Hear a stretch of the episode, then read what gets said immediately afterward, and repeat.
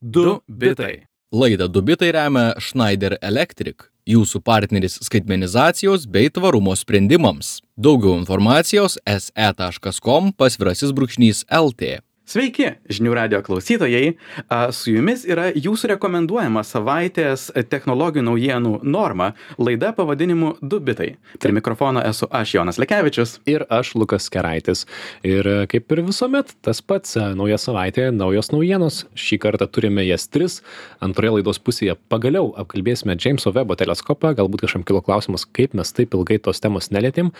Bet štai šiandien ta diena išaušo. O pirmoji naujiena yra iš Europos parlamento. Ir mes kaip visada šokam tiesiai naujienas, nieko, nieko aš čia nepridėsiu. Ne? Tai pirmoji naujiena yra ta, kad Europos parlamentas nubalsavo už skaitmeninių paslaugų aktą, kas angliškai yra vadinama Digital Service Act. Um, jisai, jeigu pritars Europos komisija, šitas aktas turėtų įsigalioti dar metų pabaigoje. Apie jį jau kalbama keliarius paskutinius metus. Oficialus šio akto e, reglamentavimo siekis yra geresnė vartotojų ir jų pagrindinių teisų apsauga internete, veiksminga interneto platformų skaidrumo ir aiškios atskaitomybės sistema ir konkurencijos skatinimas. Ir visą tai primena šiek tiek 2018 įsigaliojusį, kas dar pamena, e, bendrąjį duomenų apsaugos reglamentą, BUDAR, GDPR dar kitaip trumpinama, kuris turėjo labai panašius siekius iš esmės ir na, padėjo tokį pagrindą. Ir kas nuo to laiko jau nutiko, tai nuo jo įsigaliojimo mes visi, nuėję į naują interneto svetainę, turime spausti sutinku, sutinku, sutinku su sausainiais, duokit man tuos sausainius, duokit dar pieno, aš juos suvalgysiu, accept all, decline all, kažką paspaudžiam, kad tai mūsų nenervuotų ir, ir, ir žodžiu, tokia ta praktika realybėje. Nors e, idėja buvo gera duoti naudotojams pasirinkimo laisvę kaip jie ir kiek būtų sekami e, pirmiausia reklamos reklamos davėju. Bendrai ES reguliacijos yra tokiais sluoksniais vis kraunamos ir kraunamos. Rodos, 14 ir 15 metais atsirado tas pirmas ausinėlių įstatymas, tuomet gavome puslapiuose mažesnės tokias lenteles. Na, mes jų sekame, tai žinokite, okei. Uh, tuomet, kai įsigaliojo uh, BDR 2016, tuomet gavome didesnės lenteles, kur jau turime pasakyti, jog taip, taip, aš labai žinau, jog jūs mane sekate. O, o šitas, jis truputuką gal skiriasi nuo BDR, nes BDR buvo skirtas visiems, visoms platformoms, kurios tik tai egzistuoja. Čia jie sugalvojo taikyti ir kreipti savo taikinius, taip sakant, tik į tas kompanijas, kurios yra didelės. Ir atrodo, jie tai vardino, kurias naudoja daugiau nei 10 procentų ES piliečių. Taip, ir e, bendrasis duomenų apsaugos reglamentas buvo skirtas apskritai vartotojų teisėm, ne tik, ne tik internetiniam. Ten mhm. gana viskas buvo platu, bet aišku, tie sausainiukai visiems užkliuvo. O šis e, skaitmeninių paslaugų aktas, jisai įpareigotų tas platformas, kurios, kaip sakė Jonas, jos turėtų turėti vartotojų daugiau nei 10 procentų ES gyventojų. Keletą dalykų, pamėginsim trumpai papasakoti. Tai pirmiausia, tai turėtų supaprastinti privatumo pasirinkimus, leisti paprastai pasirinkti nebūti sekamam reklamų tikslais. E, Čia tikriausiai mokytasi ir imamas šitam tikrą prasme pavyzdys iš Apple, kuri 2021 metais e, pradžioje berots sudarė sąlygas iPhone naudotojams paprastai pasirinkti, neleisti programėlėms sekti juos. Ir, e, na, bent jau teoriškai 98 procentai naudotojų būtent tai ir pasirinko. Europos parlamentarams tai yra argumentas sakyti, žiūrėkit, naudotojai, jeigu turi paprastą pasirinkimą, jie nori privatumo, tik jiems tai turi būti nesudėtingai pasiekiama. Tai kažkas panašaus norime padaryti, kad būtų privaloma visiems tai, ką daro Apple jau šią akimirką. Mhm. Jie net konkrečiai yra įvardinę, jog a, visi tie nauji sprendimai turėtų vengti taip, kaip jie vadina dark patterns arba tokius tamsius, mm, neetiškus, galima sakyti, a, neetiškas formas. Neetiški postumiai. Neetiški postumiai. Um, tai yra visokiausi, pa, pavyzdžiui, labai standartiškai ateini į puslapį ir sutikimas yra didelis šviečiantis mygtukas, nesutikimas yra atskira forma, kurią turi užpildyti, kaip tu nenorit nesutikti ir tas užtrunka kelias minutės. Ir tikslas yra panaikinti tai, jog nesutikimas būtų lygiai taip pat uh, greita kaip sutikimas. Aišku, tas pats buvo ir, ir badarė uh, nurodyta, tik tai Kartojamas iš Klausimas, ar pasim, pavyks pasimokyti iš tos pamokos, jog, okei, okay, viena yra įstatymas, kita yra jo, jo, taikymas, jo sėkimas ir reguliavimas ir žiūrėjimas, kaip žmonės jo laikosi. Taip nes na bdaro atveju tai ir buvo. Visi pasakė gerai mes darysime kaip jūs sakote o tuo tarpu naudotojai jūsų užsikniskite bespaudinėdami tuos mygtukus. Nors man dak dark partneriams tas terminas yra šiek tiek platesnis ten šiaip daugiau dalykų įeina bet šitam reglamente akte yra gana siaurai apibrėžiama kad neturi būti dviprasmiškumo privatumo pasirinkimo galimybėse. E, kitas reikalavimas tai būtų skaidrumo ataskaitų rengimas toms didelėms platformoms kontaktinių centrų įsteigimas tai yra turėti kažkokį kontaktą, kartais to nėra. E, kitas įdomus reikalavimas būtų nenaudoti jautrios informacijos, tai yra seksualinės orientacijos, rasės, religijos, parenkant reklamą.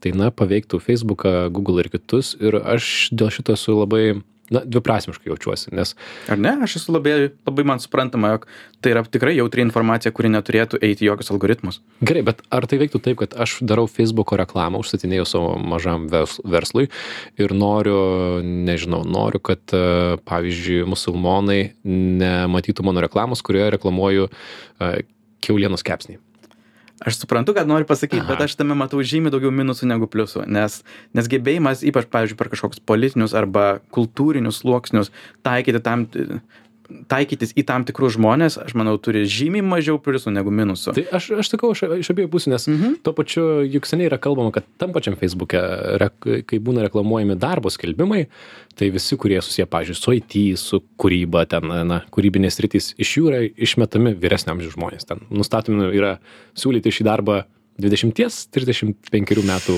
jaunimui. Ir tiesiog būdamas vyresnis neturėdamas visas e, žinias negali dalyvauti darbo rinkoje. Tai aš suprantu tuos a, a, argumentus ir apskritai tai man atrodo puiku kad na yra kažkiek ne negali sakyt gal kovojama bet a, adresuojama tai kad mes gyvename pasaulyje į kurį žiūrime pro ekranus ir visi matome labai skirtingą turinį nes esame labai skirtingai targetinami anglų kalboje o lietuviškai tai būtų kaip tai būtų lietuviškai jonai targetinti mes lietuvių kalbą taikomasi aš nežinau Atsiprašom, mes kartais pamirštam lietuvių kalb, Na, kalbos taip. terminus, bet toks gyvenimas.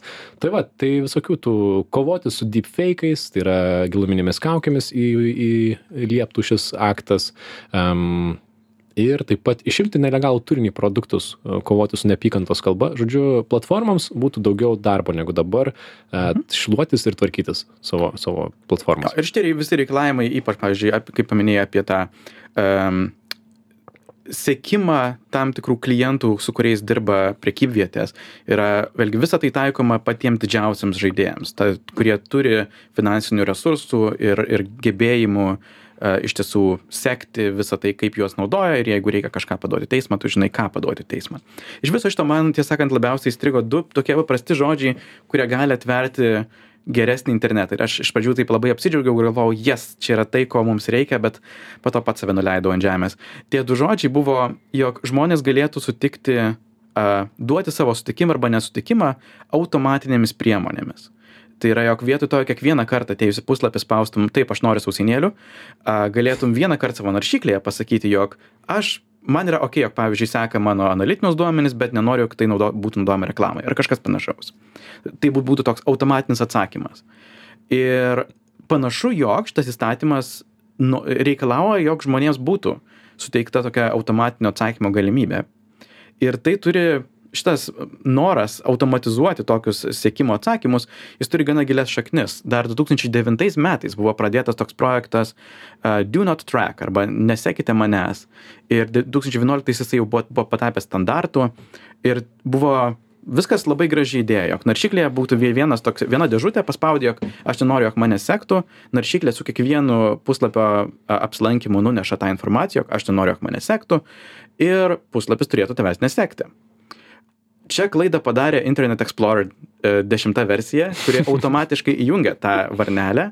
Ir tas automatinis varnelės įjungimas davė tokią prielaidą visiems reklamos pardavėjams pasakyt oi čia nebe žmogaus pasirinkimas čia naršyklė automatiškai už žmogų pasirinko. Ir tuomet jie tiesiog nustojo šitą do not track ir projektas numirė. Du tūkstančiai devynioliktais metais iš viso grupė išsiskaidė ir ir kaip ir prapuolė galbūt šita iniciatyva šitas aktas sugrąžins šitą mintį. Tiesa aš nemanau kad taip bus nes pagrindinė pasaulyje naršyklė rodo šešiasdešim septyniasdešim procentų yra google chrome.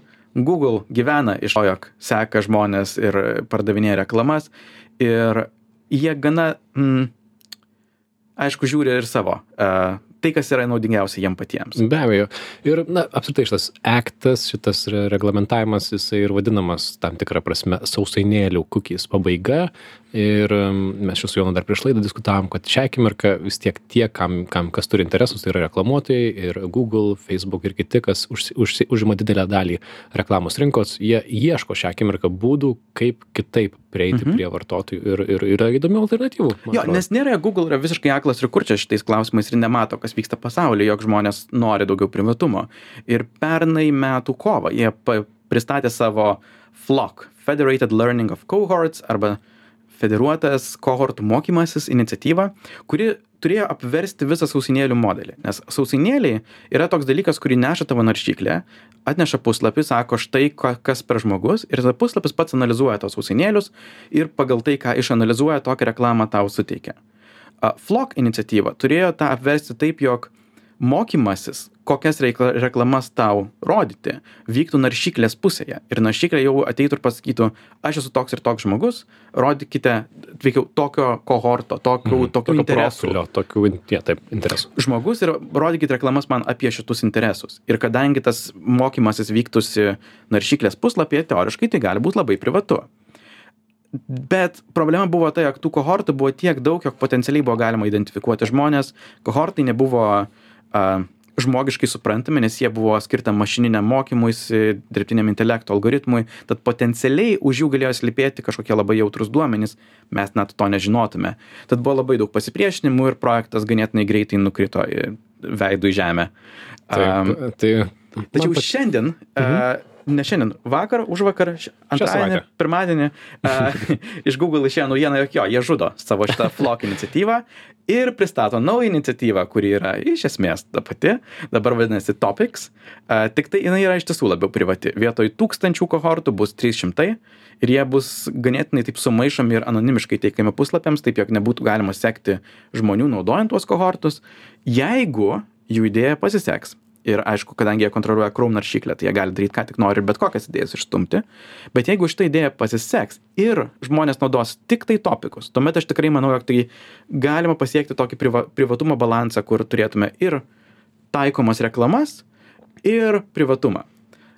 Tačiau jeigu tie topikai bus naudojami tik papildomas dalykas šalia sausainėlių deja to rezultatas bus tiek turėsime tiktai dar efektyvesnį sekimą mhm tad e, sausainėlių eros pabaigos pradžia kaip visa tai atrodys e, ateityje dar nėra tiksliai žinoma. Tai kai sužinosim papasakosim ir jums.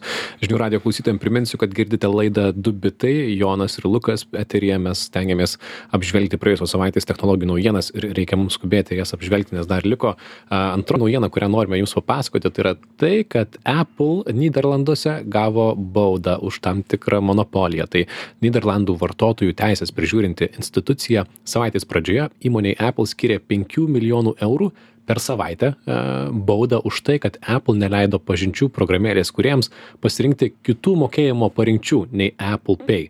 Kitaip sakant, už tai, kad Apple turi savo telefonus, jis daug kas naudojasi, jie turi savo storą, per jį daug kas perka ir nėra kitų būdų pirkti. Ir Apple pasieima 30 procentų nuo to mokėjimo. Mes nekartą apie tai kalbėjome. Čia mhm. visiškai Jono tema ir Apple.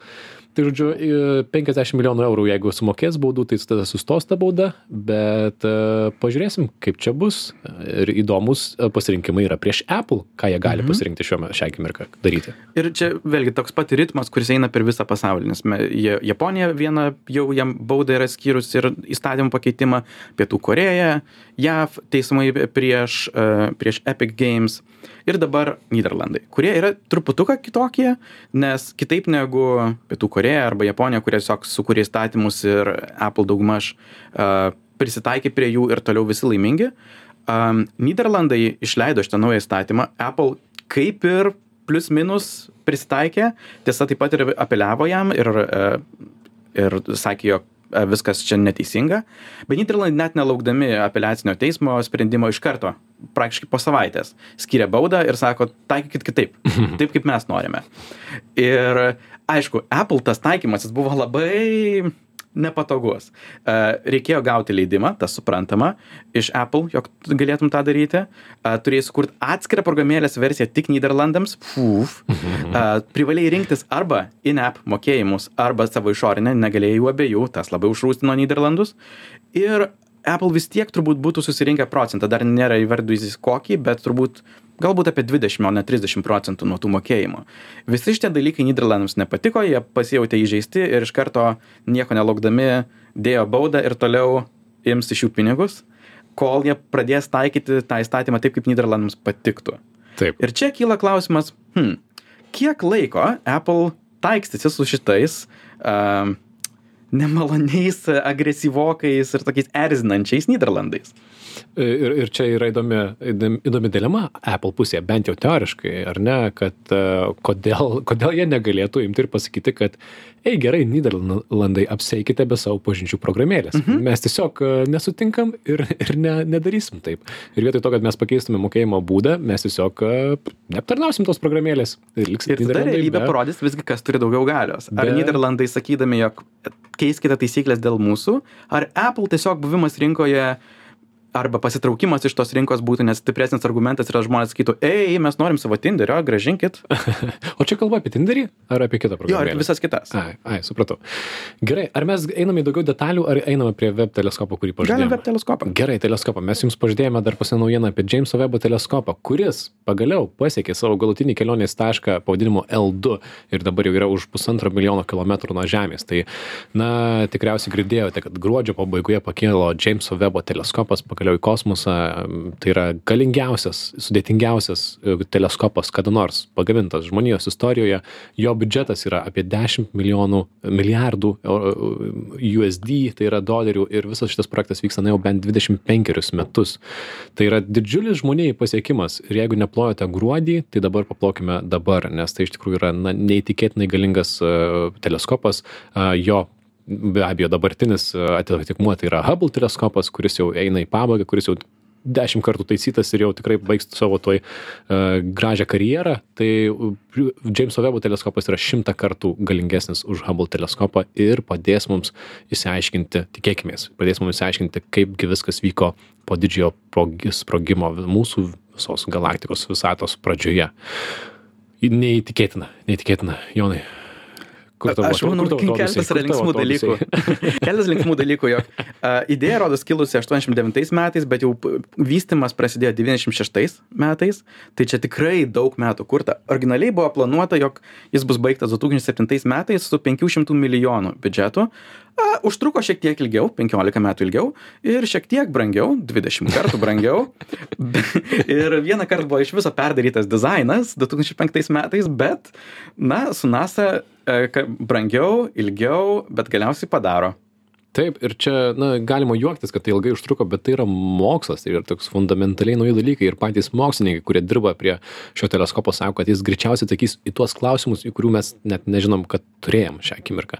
Tai ir ta visa operacija pakelti jį į kosmosą. Jis turi didžiulį veidrodį kuris turi išsiskleisti turi didžiulį a didžiulę apsaugą nuo saulės spindulių kuri taip pat turi sėkmingai išsiskleisti. Yra daugiau nei trys šimtai momentų tokių kritinių taškų kai kažkas gali nepavykti.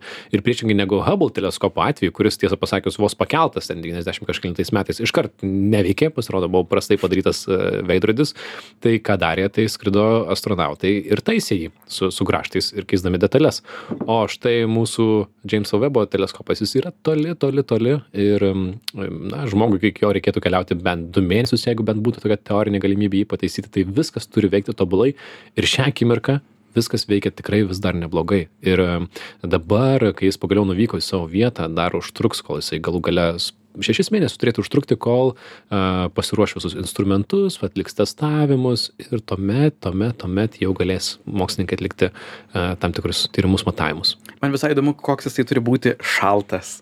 Mhm. Uh, jie, aišku, tai yra labai toli, uh, bet jis taip pat turi tokį didžiulį aitvaro formos skydą, jog apsaugoti nuo saulės spindulių, nes saulės spinduliai galėtų jį sušildyti, o tam, kad jisai galėtų jausti visas tas bangas, jis turi būti vos 45 laipsniais Kelvino, uh, minus 100 aštuoniasdešim plius minus daug Dar minus labai daug a, laipsnių Am, keturiasdešim penki laipsniai tiesiog tos abs- absoliučios temperatūros. Žodžiu labai labai labai šaltai turi būti.